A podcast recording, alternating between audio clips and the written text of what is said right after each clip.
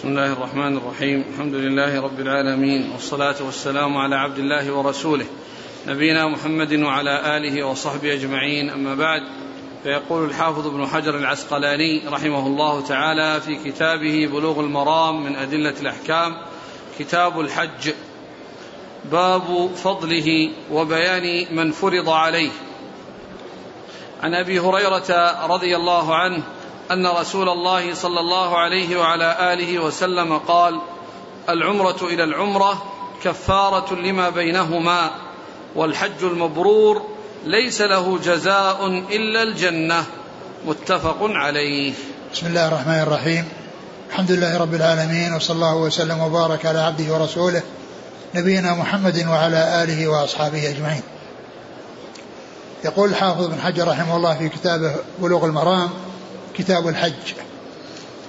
الحج هو أحد أركان الإسلام ومبانيه العظام وهو في اللغة القصد. أي قصد أي يطلق الحج على كل قصد. المعنى اللغوي واسع. وأما المعنى الشرعي فهو قصد مخصوص. وهو قصد البيت الحرام لأعمال مخصوصة في زمن مخصوص. زيارة البيت الحرام لأعمال مخصوصة التي هي الطواف والسعي والوقوف بعرفة والمبيت مزدلفة ومنى ورمي الجمار وغير ذلك من الأعمال. في زمن مخصوص الذي هو زمن الحج. لأن الحج لا, لا يكون في زمن معين في زمن محدد وفي أيام محدودة. فهو آه، يعتبر الذي هو المعنى الشرعي جزء من جزئيات المعنى اللغوي. لأن المعنى اللغوي القصد أي قصد؟ والمعنى الشرعي قصد الكعبة أو قصد البيت الحرام لأفعال مخصوصة في زمن مخصوص. هذا هو هذا هو تعريف الحج التعريف الشرعي. وعلى هذا فالمعنى اللغوي واسع والمعنى الشرعي جزء من جزئيات المعنى اللغوي. وهذا يتكرر في كثير من من ال ال من ال الألفاظ. يكون لها معنى شرعي عام معنى لغوي عام ومعنى شرعي خاص. والعمرة هي في اللغة الزيارة. أي زيارة قالها عمرة؟ وفي وفي الشرع زيارة البيت البيت الحرام لأفعال مخصوصة. لكن ما يقال فيها زمن مخصوص مثل الحج لأن العمرة في كل وقت.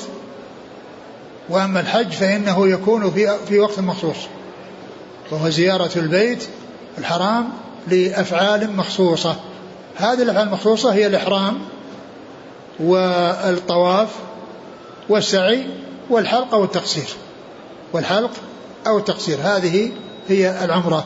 فيقال زيارة البيت لأفعال مخصوصة أو زيارة البيت محرما للطواف فيه والسعي بين الصفا والمروة والحلق أو التقصير. ومثل ذلك الصيام لأنه معناه اللغوي واسع وهو الإمساك. الإمساك عن الأكل والإمساك عن الكلام الإمساك عن الشراب. وأما في الشرع فهو إمساك مخصوص وهو الامتناع. الإمساك عن الأكل والشرب وسائر المفطرات من طلوع الفجر إلى غروب الشمس. هذا هو المعنى الشرعي. لأنه إمساك مخصوص. إمساك عن الأكل والشرب وسائر المفطرات من حين طلوع الفجر إلى غروب الشمس. فالمعنى اللغوي واسع وهو الصيام الإمساك أي إمساك يقال لصيام وأما المعنى الشرعي فهو إمساك مخصوص. الذي هو الإمساك عن الأكل والشرب وسائر المفطرات من طلوع الفجر إلى غروب الشمس. ثم إن المصنف رحمه الله قال باب فضل الحج باب فضل الحج ومن, ومن يجب عليه ومن؟ وبيان من فرض عليه. وبيان من فرض عليه الحج. فضل الحج جاء فيه أحاديث ثابتة عن رسول الله عليه الصلاة والسلام الحافظ بن حجر جاب أتى بهذا الحديث الذي هو حديث العمرة إلى العمرة كفارة لما بينهما والحج المبرور ليس له جزاء إلى الجنة. قال والحج المبرور ليس له جزاء هذا فضل الحج. وفضل العمرة أيضا. وفضل العمرة أيضا. وقوله صلى الله عليه وسلم العمرة إلى العمرة كفارة لما بينهما. يعني هذا يدل على تكرار العمرة. وعلى تكررها وأن كل عمرة فهي تكفر ما بينها وبين العمرة السابقة ما بينها وبين العمرة السابقة. ولكن هذا التكفير إنما هو للصغائر وليس للكبائر. الكبائر لا بد فيها من التوبة يكفرها التوبة. وأما إذا اجتنب الإنسان الكبائر وكان عليه صغائر فالأعمال الصالحة تكفرها. وقد جاء في الحديث صحيح الجمعة إلى الجمعة الصلوات الخمس والجمعة إلى الجمعة ورمضان إلى رمضان مكفرات ما بينهن ما اجتنبت الكبائر. فقال ما اجتنبت الكبائر.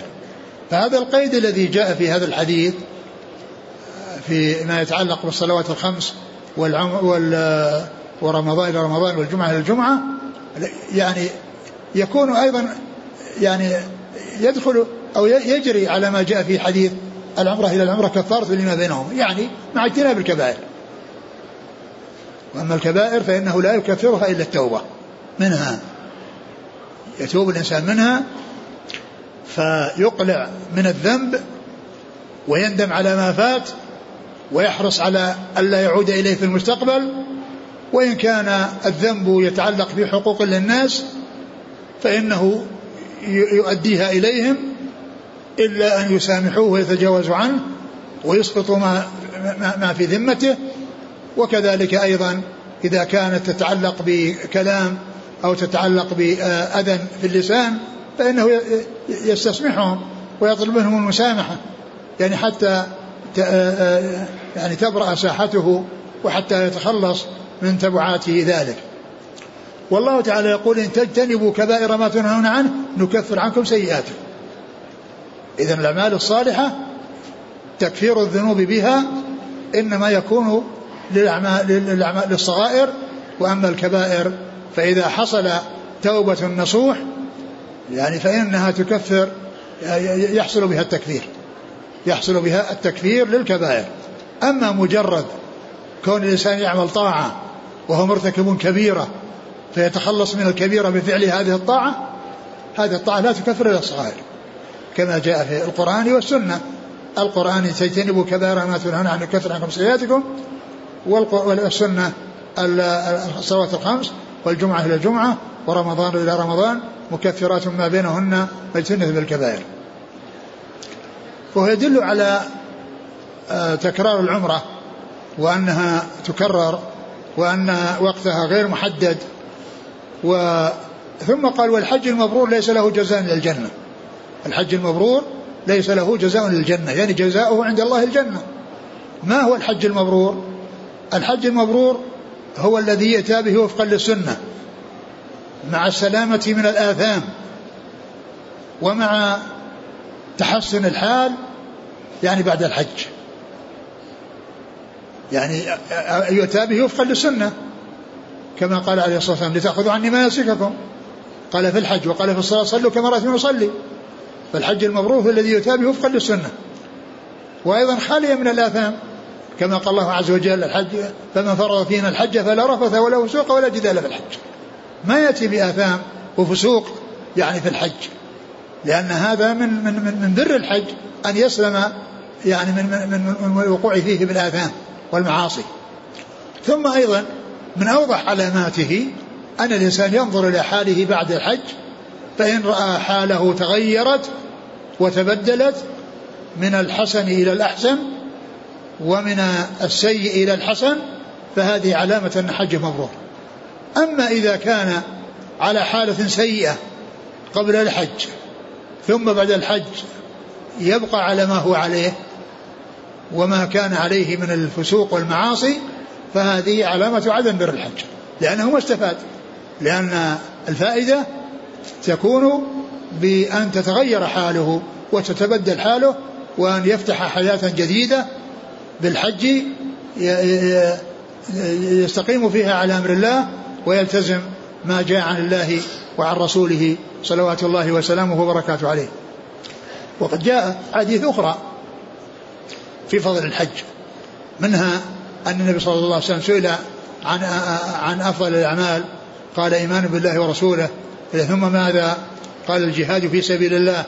قال ثم ماذا قال حج مبرور. قال حج مبرور. ذكر الإيمان وذكر الحج الجهاد في سبيل الله الذي هو آه لإعلاء كلمة الله وإخراج الكفار من الظلمات إلى النور ثم الحج المبرور. وقد وصف الحج الذي هو متصف بالفضل وله الفضيلة بأنه المبرور.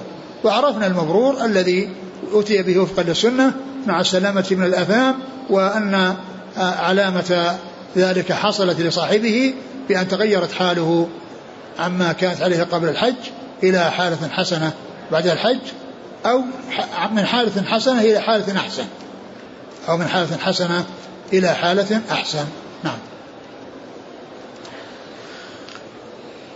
وعن عائشة رضي الله عنها أنها قالت قلت يا رسول الله على النساء جهاد؟ قال نعم عليهن جهاد لا قتال فيه الحج والعمرة. رواه أحمد وابن ماجه واللفظ له وإسناده صحيح وأصله في الصحيح. ثم ذكر هذا الحديث وهو دال على فضل الحج. وعلى أن الحج يعني آه، يدل على فضله لأن عائشة رضي الله عنها سألت النبي صلى الله عليه وسلم قالت هل على النساء؟ قلت يا رسول الله على النساء جهاد؟ نعم. قال نعم عليهن جهاد لا قتال فيه الحج والعمرة. سألت النبي صلى الله عليه وسلم على النساء جهاد. هل على النساء جهاد يجاهدن في سبيل الله؟ الرسول عليه الصلاة والسلام قال نعم عليهن جهاد لا قتال فيه الحج والعمرة. هذا هو جهادهن لأن الجهاد فيه سفر وفيه ارتكاب أخطار. وهذا هو الذي يناسب الرجال وقوة الرجال ونشاط الرجال. بخلاف النساء فإنهن فيهن الضعف وعدم القدرة وعدم الاستطاعة للشيء الذي يستطيعه الرجال. فالنبي صلى الله عليه وسلم أثبت لهن جهادا لكنه جهاد من نوع آخر وليس الجهاد الذي هو الذهاب للأعداء وقتالهم وأنها تفعل مثل ما يفعل الرجل. وأنها تقاتل كما يقاتل الرجل قال نعم عليهن جهاد لكنه جهاد من نوع آخر. وهو القتال وهو جهاد لا قتال فيه لأنهن لسن من أهل القتال. ثم بين هذا الجهاد بأنه الحج والعمرة. جهاد لا قتال فيه الحج والعمرة. هذا الحديث صحيح. قال وأصله في الصحيح لأنه جاء في الصحيح عن عائشة رضي الله عنها قالت نرى الجهاد أفضل العمل أفلا نجاهد؟ قال لا لكن جهاد لا قتال فيها الحج والعمرة. لكن يعني هذا الذي لكن من الجهاد وهو الحج والعمرة. هذا هو جهاد النساء. وذلك أن الجهاد أن هذا الجهاد فيه شبه في الجهاد في سبيل الله فيه ما يتعلق فيه من السفر ومن المتاعب والانتقال يعني ففيه شبه بالجهاد إلا أنه جهاد لا قتال فيه إلا أنه في حقهن جهاد لا قتال فيه. فهذا يدل على فضل على فضل الحج والعمرة وعلى أن الصحابيات سألن الرسول وأن على أن عائشة رضي الله عنها يعني آه، آه، لحرصها على الخير وحرصها على أعمال البر آه، سألت النبي صلى الله عليه وسلم هل عليهن ما على الرجال من الجهاد في سبيل الله؟ فأخبر عليه الصلاة والسلام أن حالهن تختلف عن حال الرجال وأن عليهن جهاد لا قتال فيه الحج والعمرة. وهذا الحديث استدل به بعض أهل العلم على وجوب العمرة لأنه قال يعني قال على النساء جهاد هل على النساء جهاد؟ قال نعم قال لا لا, لا لكن جهاد لا قتال فيه الحج والعمرة. أو عليهن جهاد لا قتال فيه أو يعني أمامهن جهاد لا قتال فيه الحج والعمرة فاستدل بعضهم على وجوب العمرة وأن العمرة واجبة. وقد اختلف العلماء في حكم العمرة. أما الحج فإنه واجب بالكتاب والسنة والإجماع. واجب بالكتاب ولله على الناس حج البيت من استطاع إليه سبيلا. ومن كفر فإن الله غني عنه. وبالسنة بني الإسلام على خمس شهادة لا إله إلا الله وأن محمد رسول الله وإقام الصلاة وإيتاء الزكاة وحج البيت وصوم رمضان. وهذا حديث ابن عمر المتفق على صحته. وحديث جبريل مشهور من رواية عمر بن الخطاب رضي الله عنه عن النبي صلى الله عليه وسلم في صحيح مسلم وفيه أنه لما سأله آه، أي جبريل سأل النبي صلى الله عليه وسلم آه، والصحابة يسمعون عن الإسلام والإيمان والإحسان والساعة وأماراتها.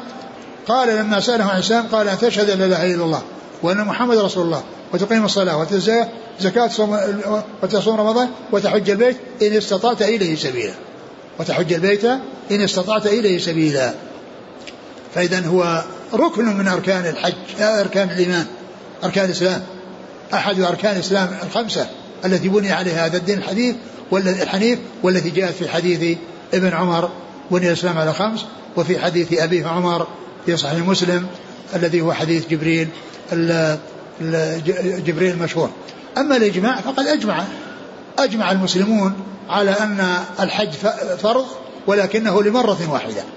على أنه فريضة وأنه لمرة واحدة وأن ما زاد فهو تطوع. ما زاد على ذلك فهو تطوع. أجمع العلماء على أنه ركن. على أنه ركن من أركان الإسلام وعلى أنه فريضة وأن أنه إنما يكون مرة واحدة في العمر. ولهذا أركان الإسلام الخمسة يعني جاءت أولا الشهادتان أولها الشهادتان لأنها الأساس الذي تبنى عليه بقية الأركان وتبنى عليه سائر الأعمال.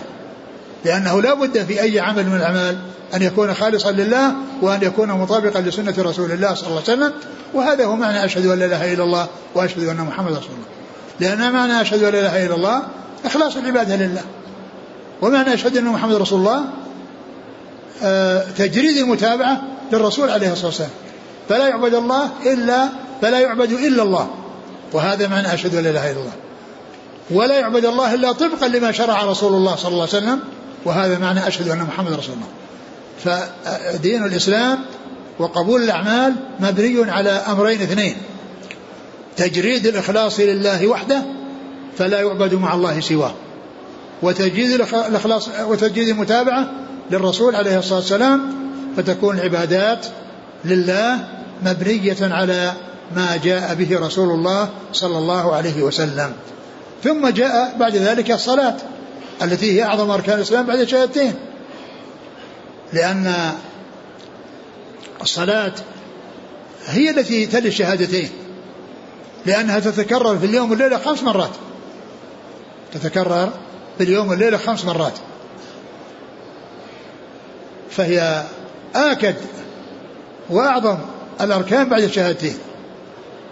بخلاف بقية الأركان الحج لا يجب الزكاة لا تجب إلا على من كان غنيا. ملك نصاب وحال عليه الحول. فإنه يزكيه ما تجب على كل مسلم تجب على من كان غنيا. ملك نصابا وحال عليه الحول. فيزكيه إذا حال الحول. الصيام يجب شهرا في السنة. الحج يجب مرة في العمر. أما الصلاة في اليوم والليلة خمس مرات. ولهذا الصلاة هي صلة وثيقة بين العبد وبين ربه. في خلال إذا صحبت إنسانا لأول مرة فأنت تستطيع أن تعرف حاله من كونه يصلي أو لا يصلي. كونه من أهل الصلاة أو ليس من أهل الصلاة. تعرفه في, في خلال 24 ساعة. خلاف الزكاة والصيام والحج هذه تأتي في يعني في, في أوقات متباعدة. الصيام الزكاة على الغني مرة في السنة وال وصيام صيام شهر في السنة والحج حج مرة في العمر. أما الصلاة في كل يوم وليلة خمس مرات. وأيضا جاء أنها عمود الإسلام. عمود الإسلام كما جاء ذلك عن رسول الله صلى الله عليه وسلم. وجاء أنها أول ما يحاسب عليه العبد يوم القيامة وأنها آخر ما يفقد في هذه الحياة. وفرضت ورسول الله عليه الصلاة والسلام في السماء كل ذلك يدل على عظم شأنها. وكان من آخر ما أوصى به الرسول صلى الله عليه وسلم الصلاة. كان مما أوصى به أنه قال في آخر حياته وفي آخر مرضه الصلاة الصلاة وما ملكت أيمانكم. الصلاة الصلاة وما ملكت أيمانكم. وقال إن باقي الصلاة إن الصلاة تنهى عن الفحشاء والمنكر. إن الصلاة تنهى عن الفحشاء والمنكر. لأن الإنسان الذي يحافظ على الصلاة ويحافظ على أوقاتها يرجو ثواب الله ويخشى عقاب الله. إذا حدثت نفسه بسوء إذا حدثته نفسه بسوء يتذكر الصلاة وحرصه عليها ومحافظة عليها يرجو الثواب ويخشى العقاب. فتكون الصلاة ناهية له عن الفحشاء والمنكر. إذا تذكر صلاته وحرصه على الصلاة وقد هم بسوء يترك ذلك السوء وتنهاه صلاته عن الفحشاء والمنكر. وتنهاه صلاته عن الفحشاء والمنكر. الحاصل أن الأركان الإسلام الخمسة متفاوتة منها يعني ما هو أساس في نفسه وأساس لغيره وهو الشهادتان ولا يقبل أي عمل إلا إذا وجدت الشهادتان ويليه الصلاة التي في اليوم في اليوم الليلة خمس مرات ثم يليها الزكاة التي هي نفعها متعدي وهي آه تكون آه في السنة في السنة مرة واحدة على الأغنياء الذين يملكون نصابا فأكثر ثم الصيام شهر في السنة ثم الحج مرة واحدة في العمر. نعم. قال وعن جابر بن عبد الله رضي الله عنهما أنه قال أتى النبي صلى الله عليه وسلم أعرابي فقال يا رسول الله أخبرني عن العمرة أواجبة هي؟ فقال لا وأن تعتمر خير لك. رواه أحمد والترمذي والراجح وقفه. وأخرجه ابن عدي من وجه آخر ضعيف. ثم ذكر آه، هذا الحديث وهو يتعلق بالعمرة وأنها ليست واجبة وإنما هي مستحبة. وإنما هي مستحبة. والأعرابي جاء وسأل النبي صلى الله عليه وسلم عن العمرة واجبة هي؟ قال لا. وأن وأن وأن تتطوع تعتمر. وأن تعتمر خير لك. يعني ليست واجبة ولكن خير لك أن تعتمر يعني أنها من المستحبات وأنها من المندوبات. لكن الحديث غير صحيح. الحديث غير صحيح لأن فيه آه، آه، الحجاج بن أرطاه وهو كثير, آه، كثير الخطأ وكثير التدليس وقد روى بالعنعنة وتلميذه عمر بن بن علي المقدمي وهو أيضا كثير التدليس وهو أيضا كثير التدليس. فالحديث غير صحيح. والعلماء اختلفوا في العمرة هل هي واجبة أو غير واجبة فمنهم من قال بعدم وجوبها وقال إن هذا هو الأصل وأن أن الأصل لا ينتقل عنه إلا بدليل و, و وهذا الحديث الذي ورد ضعيف هو من أدلة استحبابها وأنها غير واجبة ولكنه ولكنه غير ولكنه ضعيف غير ثابت عن رسول الله صلى الله عليه وسلم. وأما القول الثاني وهو وجوبها فقد جاء فيه أحاديث فيها الأمر بالوجوب فيها الأمر بالعمرة. قال وهو دال على وجوبها. ثم أيضا فيه احتياط في الدين وأن أنه على الإنسان يعتمر مرة واحدة في عمره كما أنه يحج حجة واحدة في عمره. وما زاد على ذلك هو تطوع سواء في الحج أو العمرة. ومن ذلك الحديث الذي مر الذي قال عليكن جهاد جهاد لا قتال فيه الحج والعمرة. الحج والعمرة. وكذلك الحديث الذي سأل النبي صلى الله عليه وسلم عن يعني رجل يعني سأل عن عن أبيه قال حج عن أبيك واعتمر. وأرشده إلى الحج والعمرة عن أبيه. وكذلك بعض الأحاديث التي جاءت يعني في ذلك. عن النبي صلى الله عليه وسلم يعني وهي دالة على على العمرة والأمر بها وذلك يدل على يدل على وجوبها. آه نعم إيش بعده؟ قال؟ قال والراجح وقفه وأخرجه ابن عدي. لكنه صحيح لكنه لكنه ضعيف. يعني آه مع آه كونه موقوف يعني وكذلك مرفوع هو غير صحيح لأن فيه يعني هذان الرجلان الكثير وهما كثير التدليس والحجاج المغطاة مع ذلك كثير الخطأ. نعم. وأخرجه ابن عدي من وجه آخر ضعيف.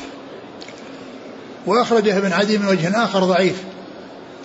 ويعني في بعض النسخ يعني أن وأخرجه آه، ابن عدي من وجه آخر ضعيف عن اللي بعده. عن جابر عن جابر مرفوعا آه. الحج والعمرة فريضتان. وهذا يقابل القول الأول لأن الحديث الأول الضعيف يعني يقابله لأن هذا يقول فريضتان وهذا يقول آه، ليس بواجب الحج العمرة ليست بواجبة وإنما هي أن يتطوع خير له. وكل من الحديثين ضعيف لا الذي هذا الحديث يقول إنه فريضتان وكذلك الحديث الذي مر والذي يقابله وهي أنها آه أنها يعني ليست واجبة وأن يتطوع خيرا له. ففي بعض النسخ يعني آه, آه، الحديث الذي بعد هذا جاء من جملة أحاديث البلوغ ولكنه لم يخرج ما ذكر تخريجه وفي بعض النسخ يعني جاء ذكر الحديث هذا الحديث الذي هو الذي هو عن جابر متصلا بالذي قبله وأنه رواه ابن ابن ابن عدي بإسناد ضعيف. من وجه آخر ضعيف. إيه من وجه آخر ضعيف.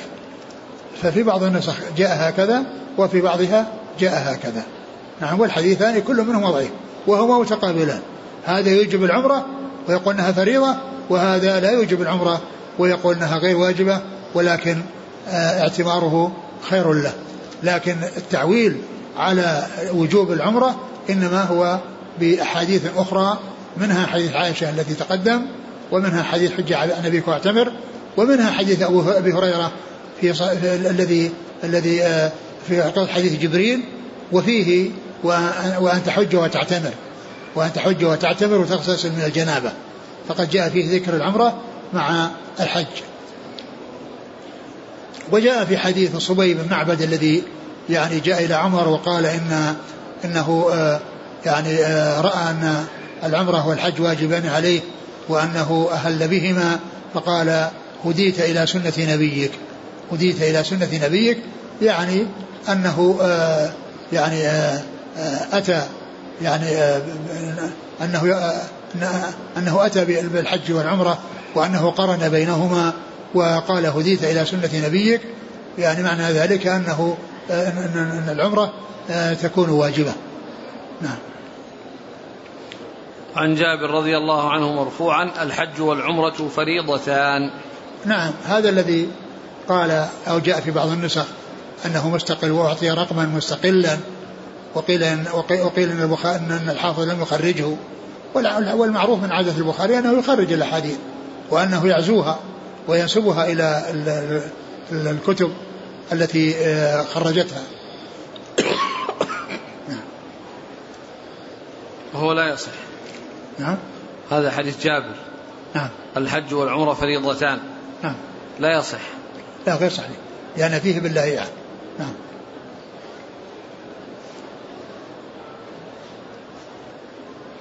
وعن أنس رضي الله عنه أنه قال قيل يا رسول الله ما السبيل؟ قال الزاد والراحلة. رواه الدار قطني وصححه الحاكم والراجح إرساله. وأخرجه الترمذي من حديث ابن عمر أيضا وفي إسناده ضعف.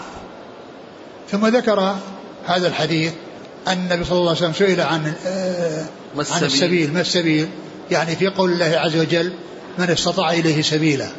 ما السبيل؟ فقال الزاد والراحلة. فقال الزاد والراحلة. يعني كل إنسان عنده مركوب يصل به إلى مكة للحج أو العمرة ويكون أيضا عنده زاد يعني يكفيه في سفره وإيابه ذهابه وإيابه وأيضا يعني يكون زائدا عن حاجة أولاده الذين يعولهم عن نفقة أهله يعني مدة يعني سفره فإنه يكون يعني عنده ما يكفيهم وعنده آه، يعني من من من من الزاد وعنده من النقود التي يتمكن بها من تحصيل الزاد ومن تحصيل غيره آه، آه، بحيث أنه يكون عنده يعني هذا المقدار الذي يكفيه للحج وعنده المركوب الذي يصل به الحج ويكون ذلك عن عن عن عن حاجة أهله. وهذا هنا ذكر الزاد والراحلة. والحديث الذي ورد في ذلك غير صحيح. وجاء يعني مرسلا والمرسل كما هو معروف من قبيل الضعيف. المرسل هو التابعي كونه يضيف الحديث إلى الرسول صلى الله عليه وسلم هو من قبيل الضعيف. فذلك لم يثبت لكنه معناه صحيح.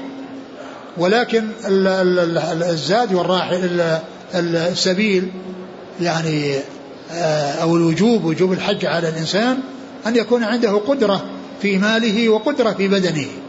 أن يكون عنده قدرة في ماله وقدرة في بدنه. قدرة في ماله بأن يكون عنده ما يكفيه لركوبه وأكله وتحركاته وتنقلاته وسكنه وغير ذلك. وأيضا يعني أن يكون آه يعني مع ذلك قادرا ببدنه. يكون أيضا يكون قادر ببدنه. أما إذا كان مريضا مرضا لا يرجى بره أو هرما كبيرا لا يستطيع الركوب فإنه يحج عنه. يحج عنه ولا يلزمه الحج بنفسه. إن كان له مال حجج من حج جعل من ينوب عنه وإن لم يكن له مال ويعني حج عنه أو أعطي لأحد يحج عنه آه، من أقاربه أو غيرهم كله كل ذلك صحيح. أن يكون مريضا مرضا لا يرجى برؤه أو يكون هرما كبيرا لا يستطيع السفر والركوب. فعند ذلك يعني هذا غير مستطيع ببدنه فيحج عنه. وغير مستطيع مع قدرته غير مستطيع بماله فإنه يعني آه لا يجب عليه الحج. يعني حتى يستطيع. لكن لا يقال إنه يحجج عنه لأنه آه الإنسان الذي عنده قدرة بدنية ولكن ما عنده قدرة مالية ينتظر حتى ييسر الله له. وإلا فإنه لا يلزمه إلا إذا وجد ما يكفيه يعني في في في, في سفره. هذا يعني آه، آه، ما, ما يتعلق بالنسبة للقدرة يعني المالية أو القدرة البدنية. نعم. والحديث ضعيف. الحديث الذي هو تفسير بالزاد والراحلة ضعيف ولكنه من ناحية أن الزاد والراحلة أنها يعني هذه من القدرة لا شك هي من القدرة. أو هي هي من السبيل. نعم. أو استطاعة السبيل. نعم.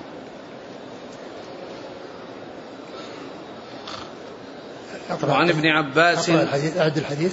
عن أنس رضي الله عنه قال قيل يا رسول الله ما السبيل؟ قال الزاد والراحلة. نعم. رواه الدار قطني وصححه الحاكم. نعم. والراجح إرساله. نعم. أخرجه الترمذي من حديث ابن عمر أيضا وفي إسناده ضعف. نعم.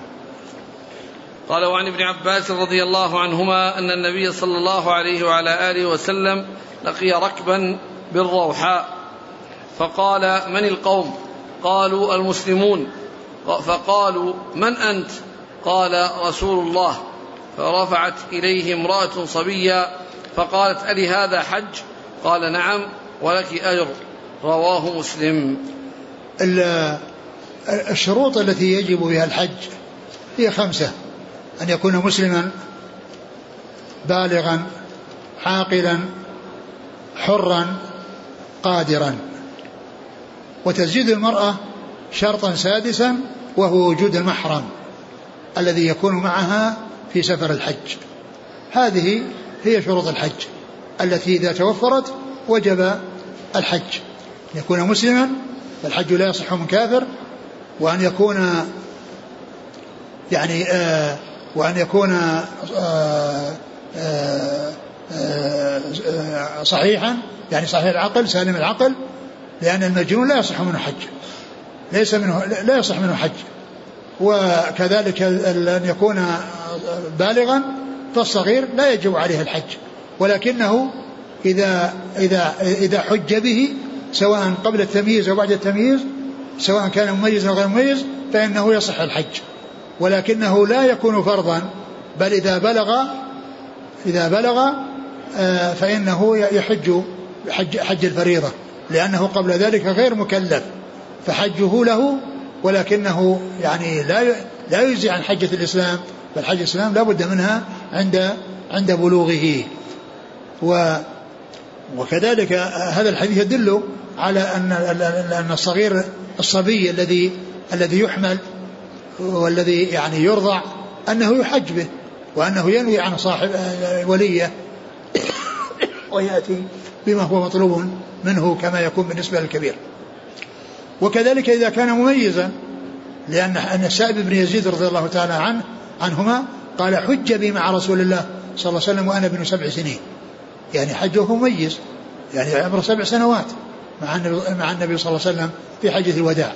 ف ولكن الحج يكون له يعني وهو نافلة والفريضة إنما تكون بعد البلوغ. أورد حديث ابن عباس أن النبي صلى الله عليه وسلم لقي أناسا بالروحاء وهو مكان بين مكة والمدينة فقال من القوم؟ سألهم. قالوا المسلمون. قالوا من أنت؟ قال رسول الله. فرفعت إليه امرأة صبي وقالت عليه هذا حج يا رسول الله؟ قال نعم ولك أجر. قال نعم ولك أجر. فهذا يدل على أن الصغير إذا حج به أنه يصح أنه حج له حج وأنه تطوع. ولا يقال أن حجه لأمه أو لأبيه أو أنه لمن يريد أبوه أو وليه وإنما حجه له. ولكن الذي قام بتحجيجه له أجر على عمله هذا. يعني كونه يعني آه، تسبب في خير فله أجر التسبب وأجر آه، التمكين أو أجر كونه جعله يحج. وأما آه، فلهذا قال ألي هذا حج؟ قال نعم له حج. قال ولك أجر من أجل قيامك بتحجيجه. فإذا حج الصغير له ولكنه ليس فرضا لا يجزئ والذي قام بتحجيجه مأجور على على ذلك مأجور على ذلك. وهؤلاء القوم الذين سألوا لقيهم النبي صلى الله عليه وسلم وسألهم قالوا المسلمون وقالوا من أنت؟ قال رسول الله يحتمل أن يكون ذلك في الليل وأنهم لا يرونه وما عرفوه بالليل.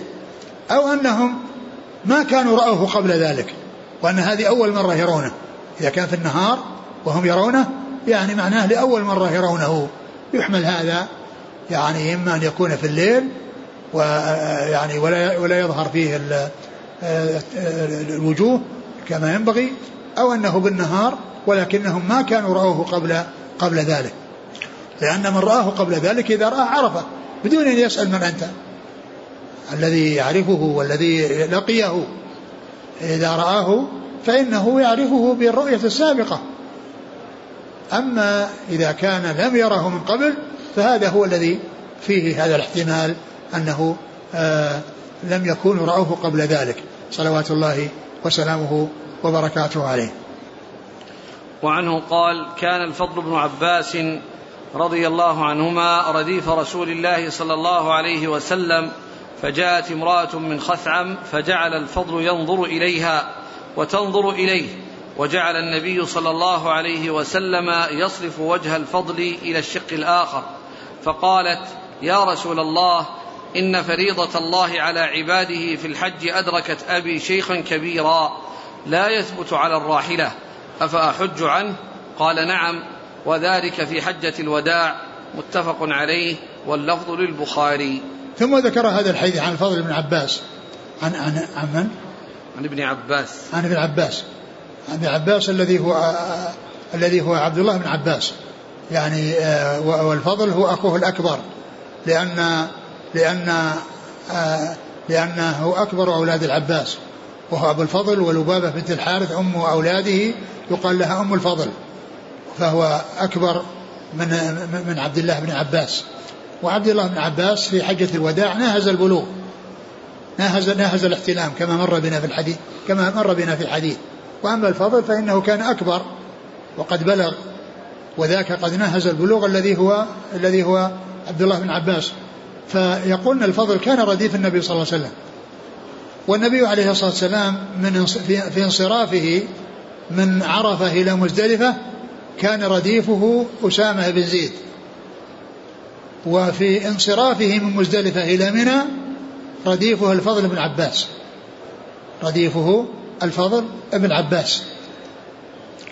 يعني فكان راكبا يعني رديفا للنبي صلى الله عليه وسلم. فكانت امرأة جاءت امرأة من خدعة تسأل الرسول صلى الله عليه وسلم عن عن أبيها. قالت إن فريضة الحج أدركت أبي شيخا كبيرا لا يستطيع الثبوت على الراحلة.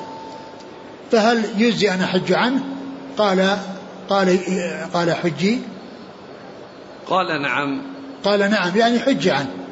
قال نعم حج عنه. وهذا يدل على أن الذي آه، آه، ليس بقادر بنفسه وببدنه آه، كأن يكون هرما كبيرا كهذا الذي هو والد الخدعمية أو يكون مريضا مرضا لا يرجى برؤه فإنه يحج عنه يحج عنه في حياته. فلا يحج عن الإنسان في حياته إلا في حالتين أن يكون هرما كبيرا لا يستطيع الركوب كالذي في هذا الحديث. أو مريضا مرضا لا يرجى برؤه فهذان يحج عنهما في حياتهما. أما غيرهما فلا يحج عنه. ينتظر حتى ييسر الله ويقدر يعني بالمال مع وجود قدرته بالبدن.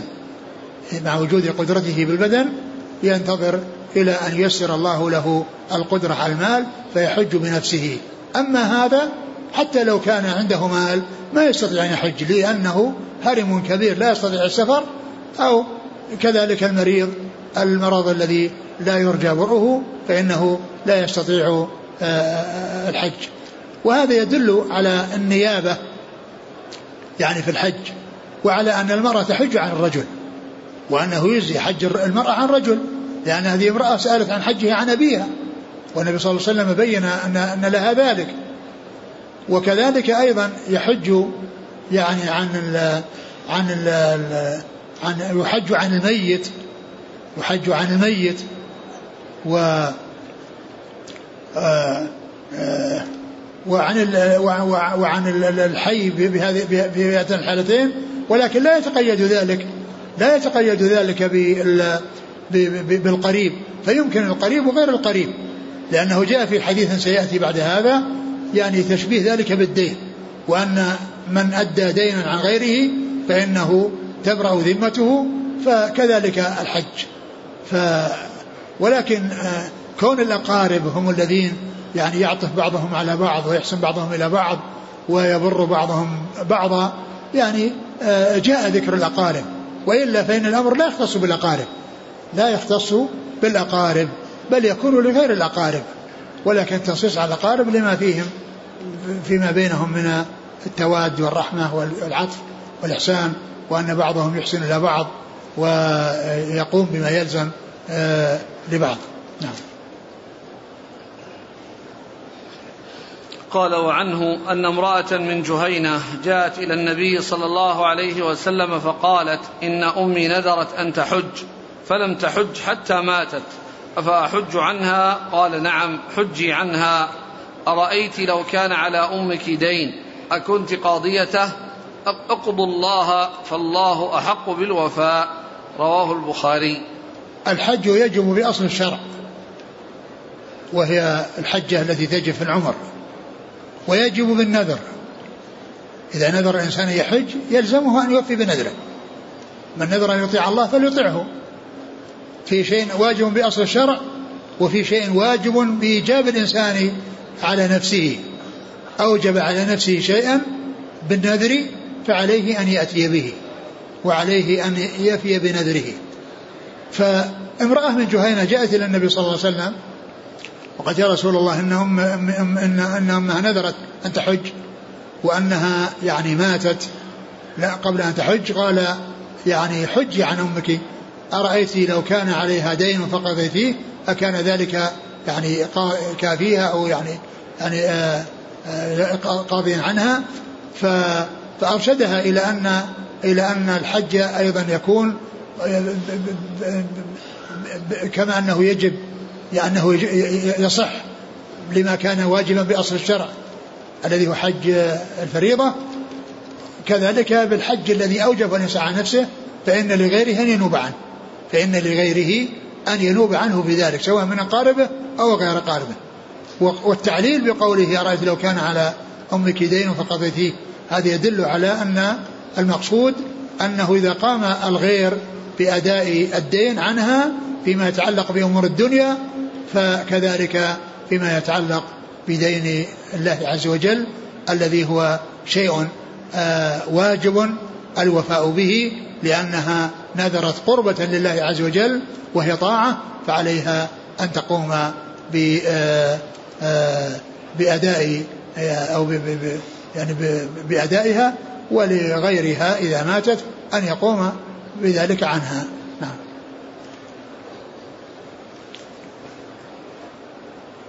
وعنه قال قال رسول الله صلى الله عليه وسلم أيما صبي حج ثم بلغ الحنث فعليه أن يحج حجة أخرى وأيما عبد حج ثم أعتق. فعليه أن يحج حجة أخرى. رواه ابن أبي شيبة والبيهقي ورجاله ثقات إلا أنه اختلف في رفعه والمحفوظ أنه موقوف. ثم ذكر هذا الحديث الذي يتعلق بالصبي والعبد والرقيق. ف يعني فيه أن من حج من هذين العبد والصبي أن حجه صحيح. كما مر فيما يتعلق بالصبي وهنا يتعلق بهما جميعا. قال ان أن ان ان ان, أن الغلام إذا حج قبل قبل الحنث يعني قبل البلوغ يعني الحنث هو الإثم والإثم يكون بعد البلوغ لأن قبل ذلك مرفوع عنه القلم. قبل البلوغ مرفوع عنه القلم ليس مؤاخذا وإنما المؤاخذة بعد البلوغ. يعني فالحنث هو الإثم. يعني بلغ يعني أنه يؤاخذ وأنه يأثم ويحصل له الإثم بترك المأمور وبفعل المحظور. يأثم بترك المأمور وبفعل المحظور. فبلغ الحنث يعني بلغ أن يكون مكلفا يؤاخذ على أعماله فيؤاخذ على تركه المأمورات وعلى فعله المحظورات. فقال إذا إذا حج قبل أن يوفى عليه أن يحج حجة أخرى يعني لحجة الإسلام تكون بعد البلوغ. وأيما عبد حج ويعني ثم عتق فعليه أن يحج حجة أخرى. يعني معناه أن الحج إذا وجد في حال الرق من العبد فهو حج صحيح وهو له ولكنه نفل. وإذا وجد من الصغير الذي لم يبلغ فإنه يكون آه له ويعني ولكنه لا يغني عن حجة الإسلام وعليه أن يحج بعد وبعد البلوغ. والحديث صحيح. يعني ثابت عن رسول الله عليه الصلاة والسلام. نعم. مرفوع وما نعم مرفوع. يعني ثابت مرفوعا. يقول والمحفوظ أنه موقوف. نعم يقول هكذا لكن صحيح أنه لأنه جاء يعني وعن عن علي وعن علي حديث. وين الحديث هذا. وعنه؟ من هو؟ ابن عباس. نعم. هو الحديث يعني آه، صحيح. نعم. وعنه قال سمعت رسول الله صلى الله عليه وسلم يخطب يقول لا يخلون رجل بامرأة إلا ومعها ذو محرم ولا تسافر المرأة إلا مع ذي محرم. فقام رجل فقال يا رسول الله إن امرأتي خرجت حاجة. وإني اكتتبت في غزوة كذا وكذا قال انطلق فحج مع امرأتك متفق عليه واللفظ لمسلم.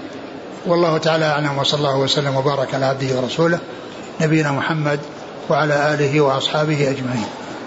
جزاكم الله خيرا وبارك الله فيكم ألهمكم الله الصواب ووفقكم للحق شافاكم الله وعافاكم ونفعنا الله ما سمعنا غفر الله لنا ولكم وللمسلمين أجمعين آمين. أنا جبت نسخة من تبصير الناس فيها ذكر الأحاديث اللي يعني في الأحاديث التي في وجوب العمرة وكذلك آه، شروط الحج وكذلك فضل الحج. شوف فضل الحج. هذه الطبعة الخامسة. هي آخر طبعة نعم. زيدة مزيدة ومنقحة. فيها زيادة. زيادة يسيرة. نقرأ من؟ الفضل. فضل الحج والعمرة. نعم. بسم الله الرحمن الرحيم. قال شيخنا حفظه الله تعالى في كتابه تبصير الناسك بأحكام المناسك على ضوء الكتاب والسنة والمأثور عن الصحابة. فضل الحج والعمرة. ثبت عن الرسول صلى الله عليه وسلم في فضل الحج والعمرة أحاديث. منها قوله صلى الله عليه وسلم العمرة إلى العمرة كفارة لما بينهما والحج المبرور ليس له جزاء إلا الجنة. رواه البخاري ومسلم من حديث أبي هريرة رضي الله عنه. وقوله صلى الله عليه وسلم تابعوا بين الحج والعمرة فإنهما ينفيان الفقر والذنوب كما ينفي الكير خبث الحديد والذهب والفضة. وليس للحجة المبرورة ثواب إلا الجنة. رواه الترمذي وابن خزيمة في صحيحه والنسائي. من حديث ابن مسعود رضي الله عنه وإسناده عندهم حسن ورواه النسائي بإسناد صحيح من حديث ابن عباس رضي الله عنهما وليس فيه والذهب والفضة والجملة الأخيرة. ثالثا عن عائشة أم المؤمنين رضي الله عنها أنها قالت يا رسول الله نرى الجهاد أفضل العمل أفلا نجاهد؟ قال لا. لكنا أفضل الجهاد حج مبرور. رواه البخاري. وذكر الحافظ في الفتح أن الأكثر ضبط لكن بضم الكاف خطاب للنساء وأنه روي بكسر الكاف وزيادة ألف قبلها للاستدراك. وقال والأول أكثر فائدة لأنه يشتمل على إثبات فضل الحج وعلى جواب سؤالها عن الجهاد. ويقوي ما قاله الحافظ أيضا أنه قد يفهم من رواية من رواية لفظ الاستدراك أن الحج أفضل من الجهاد وهو خلاف ما جاء مبينا في حديث أبي هريرة الآتي بعد هذا الحديث. ورواه ابن ماجه وابن خزيمة في صحيحه ولفظه عن عائشة أم المؤمنين قالت قلت يا رسول الله هل على النساء من جهاد؟ قال عليهن جهاد لا قتال فيه الحج والعمرة.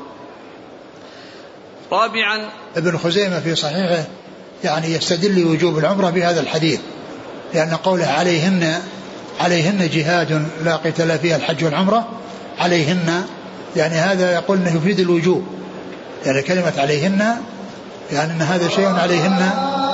نعم. ذكرتم إن ابن خزيمة يستدل بالوجوب على الوجوب بقوله عليهن. يعني على فلان كذا يعني يجب عليه. رابعا عن أبي هريرة رضي الله عنه أن رسول الله صلى الله عليه وسلم سئل أي العمل أفضل؟ قال إيمان بالله ورسوله. قيل ثم ماذا؟ قال الجهاد في سبيل الله. قيل ثم ماذا؟ قال حج مبرور. رواه البخاري ومسلم. خامسا عن أبي هريرة رضي الله عنه أنه قال سمعت النبي صلى الله عليه وسلم يقول من حج لله فلم يرفث ولم يفسق رجع كيوم ولدته أمه. رواه البخاري ومسلم. سادسا قوله صلى الله عليه وسلم لعمرو بن العاص رضي الله عنه أما علمت يا عمرو أن الإسلام يهدم ما كان قبله وأن الهجرة تهدم ما كان قبلها وأن الحج يهدم ما كان قبله. رواه مسلم. والحج المبرور هو الذي يأتي به المسلم وفقا لسنة الرسول صلى الله عليه وسلم لحديث جابر رضي الله عنه أن رسول الله صلى الله عليه وسلم قال لتأخذوا مناسككم فإني لا أدري لعلي لا أحج بعد حجتي هذه رواه مسلم. ورواه عنه النسائي بإسناد صحيح على شرط البخاري ومسلم ولفظه يا أيها الناس خذوا مناسككم فإني لا أدري لعلي لا أحج بعد عامي هذا. مع البعد عن الرفث والفسوق والامتناع عما منع المحرم من فعله وعلامة كون الحج مبرورا أن يتحول المسلم بعد حجه من الحسن إلى الأحسن ومن السيء إلى الحسن. فإذا كان قبل حجه ابتلي بالوقوع في شيء من المعاصي فعليه أن يتوب في حجه توبة نصوحا يقلع فيها عن الذنوب. ويندم على ما حصل منه ويعقد العزم في المستقبل على ألا يعود إليها. وإذا كان الذنب يتعلق بحقوق للآدميين فعليه أن يردها إليهم إن كانت مالية إذا كانوا لم يعفوه منها أو يطلب منهم المسامحة إذا كانت الإساءة إليهم في إيذائهم بلسانه ويده. إلا إذا علم أنه يترتب على إعلامهم بذلك مفسدة وفرقة وشحناء فيكتفي بطلب المسامحة منهم بألفاظ عامة. مع الثناء عليهم بما يليق بهم والدعاء لهم فيفتح لنفسه بالحج باب خير ويبدأ حياة جديدة معموره بتقوى الله والاستقامة على أمر الله.